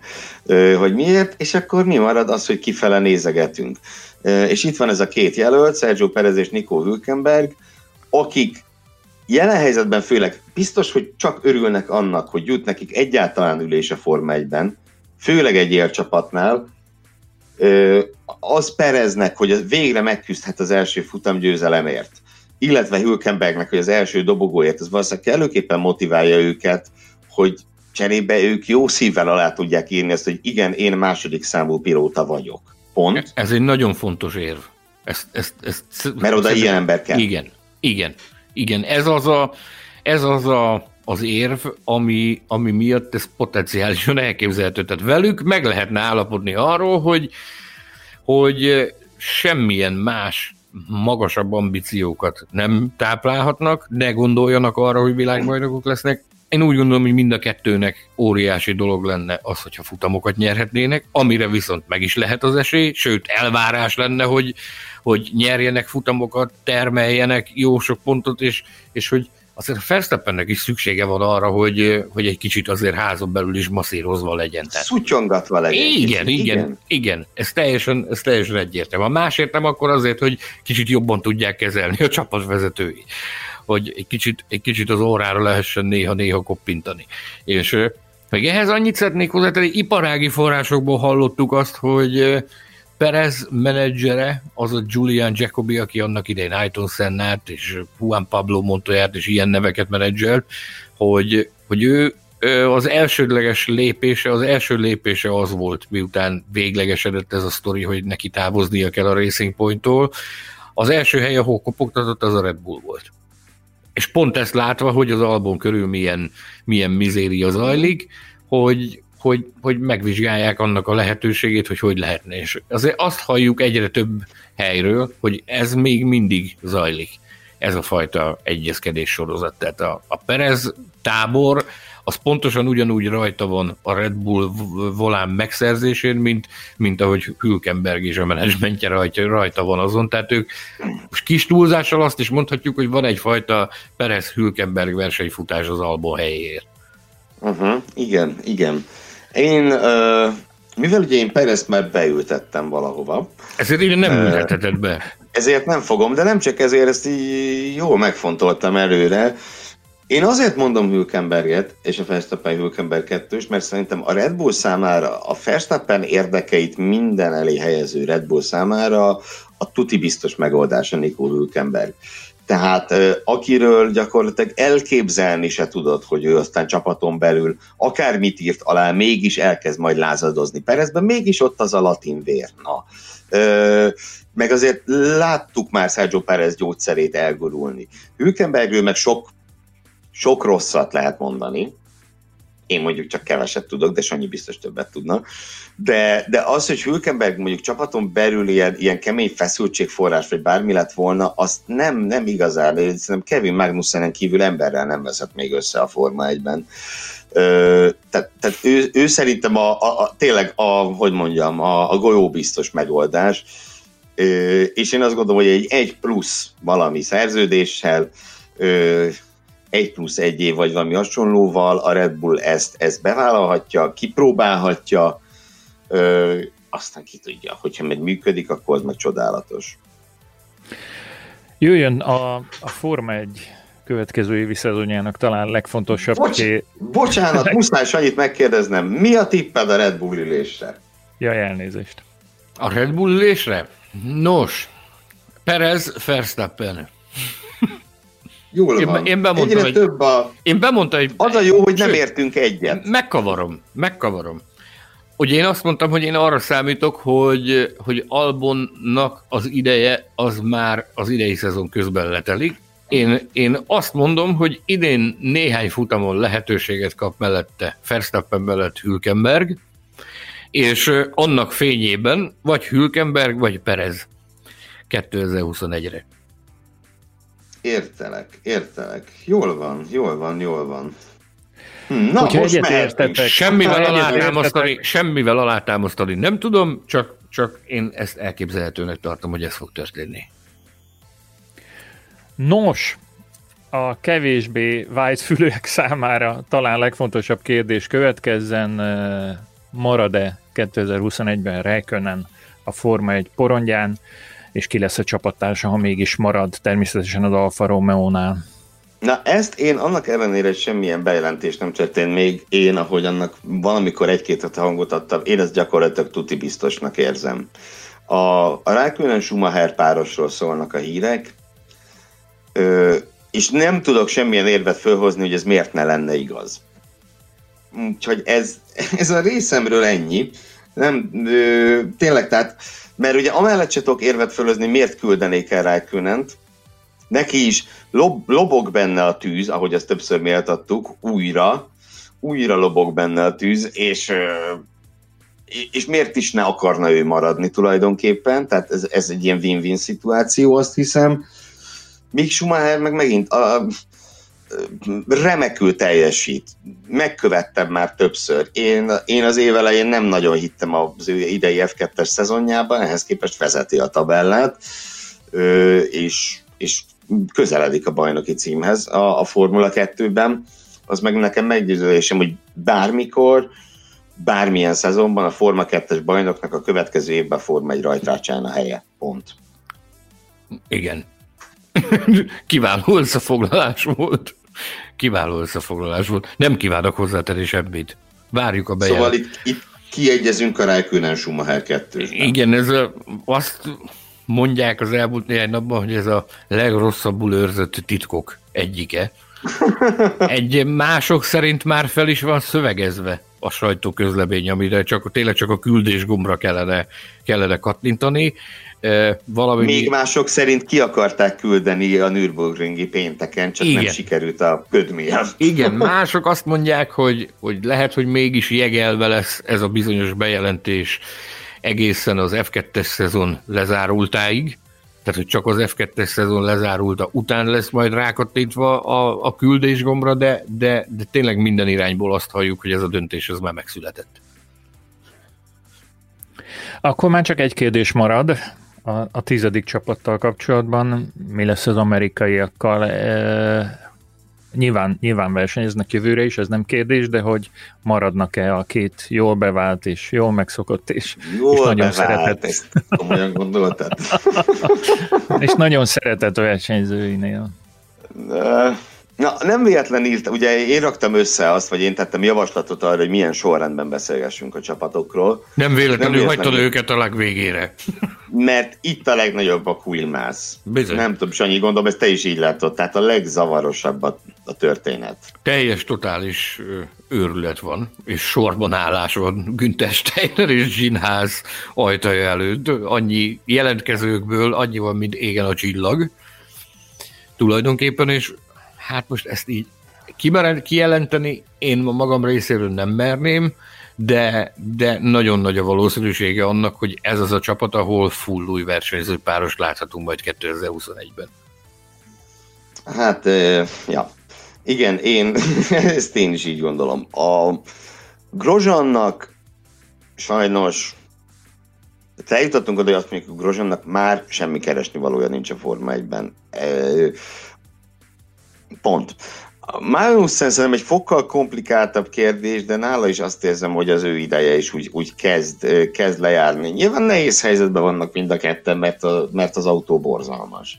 A Ferrari motor is borzalmas. Az egész borzalmas. Minden borzalmas van. úgy, hogy van. Az övék a legnehezebb kenyér jelen pillanatban a formányban. Igen, de, de emet itt van ez a, itt van ez a csapat, akik hogy berobbantak a Forma 1-be. Ezt nyugodtan, amikor megérkeztek, az nagyot szólt Ö, és utána is még voltak nagyon ígéretes időszakok. 17-18-ban voltak olyan, tehát értek, hogy a, itt a középmezőny eleje lehet a ház és hasonlók, és, és elsüllyedtek, a, mint a nyeletlen balta, a bányász béka feneke alá, Ö, és nagyon régóta van ez a páros.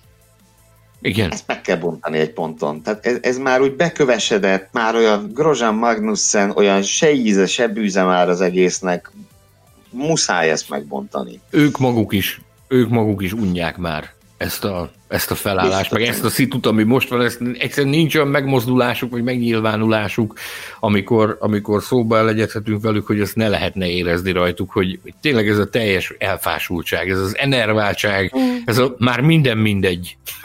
ez a már, már minden mindegy című történet, és nem is nagyon biztatják őket semmivel, az, az igazság. Ugye most a Grozsannak volt ez a, ez a egyébként teljesen tiszteletre méltó és elismerésre méltó pontszerzése az Eiffel nagy díjon. Na, ná, hogy utána a sajtóértekezleten az egyik első kérdés az volt Günther Steinerhez, hogy akkor ez változtat-e valamit Grozsannak a helyzetén, hogy, hogy, hogy pontot szerzett, meg ilyen teljesítmény nyújtott, és a tüneményes gyorsasággal lehűtötte Steiner a kedélyeket, hogy az égvilágon semmit, az égvilágon, sem, az égvilágon semmit nem jelent, mert hogy azt mondja, hogy itt nem lehet rövid távú érveket, vagy rövid távú célokat szem előtt tartani, csak is hosszú távú célokban gondolkodnak, meg hosszabb távon gondolkodnak, és nem mondta ki így, hogy, hogy Kampec Grozsannak, vagy Kampec a Magnussennek, vagy mind a kettejüknek, de azért nagyon határozott utalást tette arra, hogy, hogy, hogy ez ebben a felállásban ez így biztosan nem, nem maradhat. Nem, most. Szerintem ezekre a srácokra nagyon szép és boldog jövő vár az Indikárban, ugye Magnussennek egyszer már volt aláírt Indikár szerződése is, vagy Le Mansban, vagy a Formula E-ben, meg, meg fogják ők találni a helyüket. Lehet, hogy még plusz motivációt is tudnak meríteni az új helyből, de én azt hiszem, hogy ez a Forma 1-es kaland ez nekik itt, itt, itt fejeződik be. Az év elején, amikor készült a a Formula Podcasthez a, a Grozson interjú, akkor, akkor előtte is, meg utána is beszélgettük egy kicsit, akkor tett egy utalást arra, hogy hát igen, a Renault az egy értékes, az egy értékes porték a, a Form 1-ben. Ott egy picit volt olyan érzésem, mint hogyha felmerült volna a fejében az, hogy megpróbál oda, oda bekerülni, de hát ugye ez, ez rövid úton kiderült, hogy erre, erre nem sok esélye lesz a, a pályán nyújtott teljesítmény alapján. Most pedig legutóbb már a, a, a Peugeot-nak a, a Hypercar programjáról beszélt Lömanban, hogy azt tartja egy nagyon érdekesnek és nagyon ö, lebilincselő kezdeményezésnek. Nagyon meg lenne... Ezért pilóta lehetne. E, már, már tavaly is hallhattunk olyan, olyan pusmorgásokat a pedokban, hogy, hogy a hosszú távú versenyzés lehet az, amilyen irányba ő elmozdul a Forma 1 után, és hogy az az, ami, ami őt igazándiból érdekli a Forma 1 utáni időszakra. Ha most kellene mondani valamit, akkor azt mondanám, hogy Grozsan szegény nem marad 2021-re, és én azt vizionálom, hogy, hogy a Peugeot-nak itt a Le Mani programja irányába fog elmenni, és a Peugeot egyébként szerintem, szerintem egészen jó. jó. Jól is járna vele. Tehát még nagy Ennyi. név, nagy név. Igen. Nyilván, nyilván ne, ne, nem, nem fakezű, csak, csak minden idők egyik legerősebb Forma 1-es mezőnyéből már bizony kifele ló. Elsütöttél egy brilliáns poént a Fettel esetleges Lömani szerepvállalásával kapcsolatban, hogy hát ott 8 órán keresztül kell vezetni megpördülés nélkül. Ez valamilyen szinten a, valamilyen szinten a Grozsarra is vonatkozik, hogy hát ott neki is 8 órát kell majd vezetni. Az indikárban nem menjen, mert ott föltűnhet mögötte Markus Eriksson. Na de, uh, ugye, igen. Szóval, hogy ki, Tamás, mond csak. Ne, ne, nem is tudom. Tehát, tehát hogyha Jön a medve, voltak, ha, Jön még, a medve? ha még nem, hogy a medve jön, hanem itt olyan dolgok történnek, vagy nem, nem is tudok mit hozzátenni. Miközben itt békésen beszélgettek, esküszöm, és nem csak én, hanem már többen rám értek, hogy ti is éreztétek itt, rengett a föld Miskolcon, adás közben. Jézusom! Tudom, ez... Azt, Jézusom! Tegnap Jézusom. a van földrengés, hát itt az apokalipszis lovasai közelednek. Kérjük a Formula Podcast hallgatóit, hogy azonnal kezdjenek el imádkozni Betlen Tamásért, akit, akit medve, földrengés, mi jöhet még, kedves Tamás? Az a kérdés, hogy jön-e földrengés a, a Forma 1-ben, de ezt az elmúlt közel másfél órában szerintem elég alaposan Jó, átbeszéltétek. Azért, azért... Szorult még? Persze, hogy szorult. Persze, hogy szorult, hogy ki lesz a ház versenyzője. Itt most már izé, én ezt, én ezt rövidre fogom. Szerintem itt a nyitott, két nagy nyitott kérdés van. Az egyik, hogy, hogy Mazepin úr mit művel. Ugye van egy olyan pletyka, sztori, pusmorgás, hogy a Mazepin érdekkör ö, megjelenik a ház környékén, és ezzel együtt ugye betolják az idén az F2-ben meglehetősen jól szereplő Nikita Mazepint, akinek a szuperlicenc pontjai is meg lesznek. Most direkt utána néztem, hogy jelenlegi produkciójával meg lesznek ki a szükséges pontja. Tehát ez az egyik kérdés. A másik kérdés meg az, hogy melyik Ferrari pilóta ülhet be a házba. Na most én azt gondolom, hogy, hogy Robert Schwarzmannak helye lenne a Forma 1-be, de ha jön a Mazepin, akkor Schwarzman nem. nem. Két orosz versenyző egy csapatban nem lesz. Ezt én egyszerűen nem tudom elképzelni. Éppen ezért, hogy mondjak egy tippet, és aztán átadom Sanyinak a szót, én azt mondom, hogy, hogy egyrészt tegyük fel, hogy a plegy, én fölteszem, hogy a plegykák igazak, és jön Mazepin az F2-ből, és jön mellé Aylott a Ferrari Akadémiából. Ról. Én Mazepin szerepvállalásával kapcsolatban szeretnék egy-két gondolatot mondani, tehát számoljunk. Számoljunk. Mercedes, ugye? Kettő, kettő és fél évvel ezelőtt, most az Ineosról gondoljuk azt, hogy talán megvásárolja majd valamikor a Mercedes gyári csapat. Tehát két-két és fél évvel ezelőtt a, a teljes világsajtó attól volt hangos, hogy nagy valószínűség szerint Dimitri Mazepin bevásárolja magát, vagy megvásárolja a Mercedes. Megyünk tovább ugye azt tudjuk, hogy a, a Force India megszerzéséért nagyon komoly harcot vívott, tehát ott ténylegesen volt szándék a vásárlásra. Hallottuk már azt, hogy meg akarja vásárolni a Williams-t. Az idei év elején, amikor a Renault-nak még a, a, a, hát a, a hosszabb távú fennmaradása még azért erősen kérdéses volt, akkor hallottuk azt, hogy, hogy föl akarja vásárolni tehát hogy hírbe hozták azzal, hogy valamilyen szintű érdekeltséget kíván szerezni a, a Renault-ban. Kit hagytam még ki? Most a ház van porondon, melyik, melyik csapat maradt még ki, akit... Bár Force, Force India-t mondtad? Mondtam, ja, Mondtad, igen. bocs. Akkor igen. a mezőny fele. Hát szerintem más nem de a, a, a, Sauber, a fele. A Sauberrel, a Sauberrel, a Sauberrel kapcsolatban is voltak már ilyen jellegű, igaz, azok nem, nem voltak annyira széleskörű pusmorgások, de a, a Ferrari, McLaren, Red Bullon kívül mindenkit már akart. Mindenkivel az ég egyött a világon, hírba hozták már azt, hogy Dimitri Mazepin meg akarja vásárolni. Az egyetlen, amiről konkrétan tudunk, az a, az a Force India Racing Point, most ennek a, ennek a ecsetelésében nem szeretnék belevenni, hogy, hogy, hogy ott mi történt, hogy történt. Majd hamarosan, mert hamarosan lesz miről beszélni ezzel az ügyel kapcsolatban. Nos, tehát az, hogy, hogyha Dimitri Mazepin megiszik egy kávét Günther Steinerrel, és azt valaki látja, akkor abból rögtön kézenfekvő, hogy, hogy Dimitri Mazepin meg akarja vásárolni a házistálót.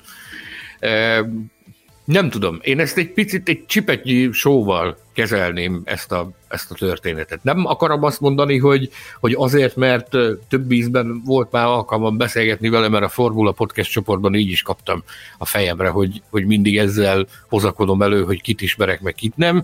Maradjunk annyiban, hogy Dimitri Mazepin egy megfontolt üzletember, nyilvánvalóan keresi a Form 1-es érdekeltség szerzéshez vezető utat, de az, hogy, az, hogy megállt egy informális beszélgetésre Günther Steinerrel, amit egyébként Steiner is ezt mondta, hogy ez csupán egy, egy, egy jó ismerősi beszélgetés volt, ittunk együtt egy kávét, ezt mondta szó szerint, hogy az azt jelenteni, hogy fölvásárolja. Az, hogy a gyereknek helyet keres a Form 1-ben, ez is egy jó indok arra, hogy Günther Steinerrel parolázzon egy kicsit, én elképzelhetőnek tartom, hogy, hogy Nikita Mazepint a, a ház fogja alkalmazni 2021-ben. Kijelenteni nem merném, hogy ez, hogy ez be fog következni, de kétségkívül egy érdekes opció lenne.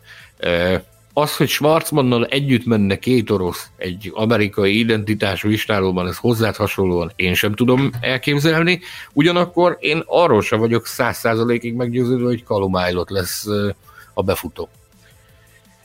Nem tudom, nem vagyok róla meggyőződve, hogy, hogy, hogy ugyanis a, ha megnézed a, a modellt, hogy hogy működik a ház, nagyon szorosan össze vannak fonódva a ferrari de azért mégsem annyira szorosan, mint mondjuk az Alfa Romeo.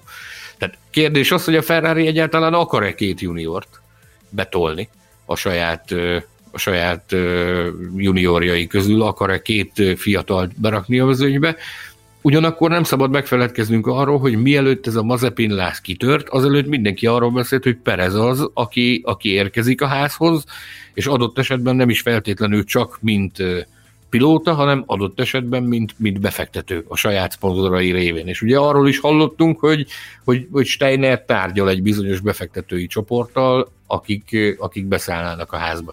Képlékeny ez a történet, ez olyan szinten képlékeny, hogy én nem ismernék tippet mondani. Hát, csalódott vagyok. de, de van egy ember Örülök, hogy csalódást aki, okozhattam. Van egy ember köztünk, aki biztosan tud tippet mondani, és kész arra, hogy felsorolja, hogy hogy fog kinézni 2021-ben a Ausztrál nagy díj rajtrácsa. Na? Én akkor mindkettőnk tippjeit beolvasom, tehát Mercedes egyet nagy egyetértésben Bottas Hamilton, Ferrari szintén nagy egyetértésben Lökler és Sainz, Red Bull magam részéről Verstappen Hülkenberg, míg Sanyi ugye azt mondta, hogy Verstappen mellett vagy Hülkenberg, vagy Perez, akár egy idei beugrás nyomán. Aztán McLaren, Aston Martin újabb nagy egyetértésben voltunk Ricardo Norris és Fettel Stroll párost illetően, aztán azért már jönnek az eltérések.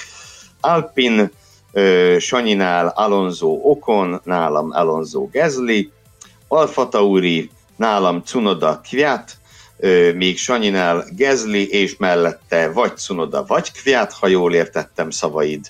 Aztán, ha megyünk tovább, Alfa Romeo, ott egy újabb nagy egyetértés, Raikkonen és Mick Schumacher, Williamsnél az volt, abban nem egyeztünk, hogy ki lesz Latifi csapattársa, Sanyi Russellt, jó magam Perezt tettem oda, még a háznál én egy, egy Mazepin Ailot kettőst bátorkodtam jósolni, még Sanyi azt kérte, hogy na itt ne kelljen tippelnie, mert ez valami kegyetlen. Úgyhogy, úgyhogy ez, ez, ez a, a mi rajtrácsunk. Annyit két dolgot tennék hozzá gyorsan. Az egyik, hogy hétfő délelőtt vesszük fel az adást. Tehát, hogyha hétfő délután este történik valami bejelentés, akkor azon majd holnap, amikor publikálva lesz az adás, jót nevetünk, hogy vagy megerősítette azt, amit mi itt vizionáltunk, amit itt deliráltunk, vagy, vagy felülírta azt. A másik pedig, hogy ahogy azt már tegnap is kértem, továbbra is biztatok mindenkit, hogy, hogy a Formula Podcast csoportban tegyétek közé a saját 2021-es pilóta felállásotokat, aztán majd meglátjuk, hogy kitippelt a legjobban. Van-e arra bármi esély, hogy öt hónap múlva az Ausztrál nagy díj előtti adásunkban újra felolvasod ezt a listát, és akkor is, akkor is végigszaladunk rajta. Ki mondta, hogy az Ausztrál nagy díj lesz, ki mondta, hogy az Ausztrál nagy díj lesz az első futam öt hónap múlva? Most azt, hallottuk, most azt hallottuk, hogy Bahrein mert hogy Ausztráliában most kezd bepukkanni a koronavírus világjárvány, és hogy az Ausztrál nagy díjat inkább egy későbbi időpontban tervezik megrendezni. Bizony, bizony, és nézzétek meg, hogy Bakreinben lesz most a gyors, ha, ha ez bejön, tegyük hozzá, hogy ha ez, ez, ez bejön, ez a versenynaptár, ami elvileg Bakreinbe kezdődne, négy hónap alatt három nagy díj. A Érdemes a versenyzőknek, meg az állandó utazó személyzetnek albérletet létesíteni. Hát lassan igen. Szahír környékén. Na jó, hogyha már a pályákról beszéltünk, akkor záró gondolatként essen szó a, a előttünk álló hétvége helyszínéről, Portugáliáról. Mit tudunk Portimájóról? Mit tudtok Portimájóról? Algarve azon... régió, Európa egyik turisztikai csodája, turisztikai gyöngyszeme. Egy 2008 végén, 9 elején elkészült versenypályáról beszélünk, amit nem Herman Tilke tervezett és, és alkotott meg, hanem legjobb tudomású szerint egy portugál alkotó. Teszteket már, már bonyolítottak itt a múltban, Forma 1-es nagydíj megrendezése viszont most először történik majd a, az Algarve versenypályán. Ö, igen, igen, igen. A vonalvezetésre ugye, ha rápillantunk, akkor elsőre jó pár embertől olvastam ezt, hallottam ezt, hogy elsőre Barcelona ugrik be, de ez csalóka, ez igazából a, a pálya, hogy mondjam, formája tényleg a, a rajza miatt, de, de maga a pálya jellege az más, a, a, leginkább a kanyarok jellege más, mint Barcelonában, ami nem feltétlen baj, hiszen Barcelona alapvetően azért nem a hihetetlen izgalmas versenyeiről ismert, itt meg én mindent, hogy mondjam, mindent adottnak látok, hogy egy, hogy egy hasonlóan érdekes és változatos futamunk legyen, mint a Nürburgringen volt, mint Mugello-ban volt. Azért látszik ez, a, ez a tendencia szép lassan kirajzolódik, hogy az új, új vagy visszatérő pályákon ö, mindenképpen izgalmas futamokat látunk idén. Én erre számítok most is, ha tippelnem kéne, ha már itt tippelgetünk végig, akkor meg azt mondom, hogy a végeredmény meg azt fogja jelenteni, hogy Louis Hamilton egy újabb lépéssel közelebb fog kerülni a világbajnoki címhez. Egyetértes, Sanyi, ezzel? Mikor lehet világbajnok Louis Hamilton szerinted leghamarabb? Jaj, jaj, jaj, jaj. Tudod nagyon jó, hogy katasztrofális tips mixelő vagy.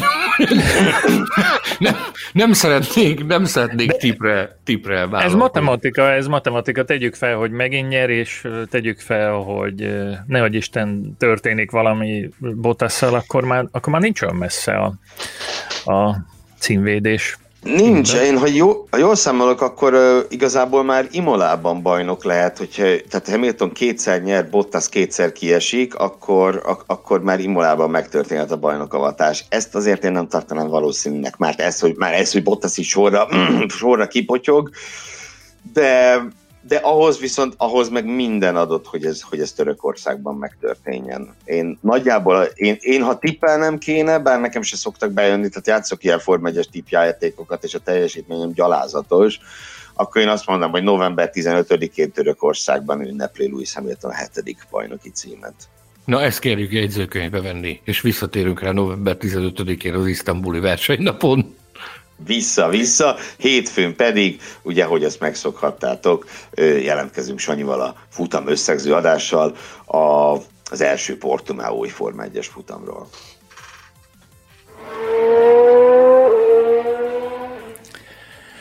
Ennyit a jövő évi rajtfelállásról. Köszönjük, hogy ismét velünk tartottatok.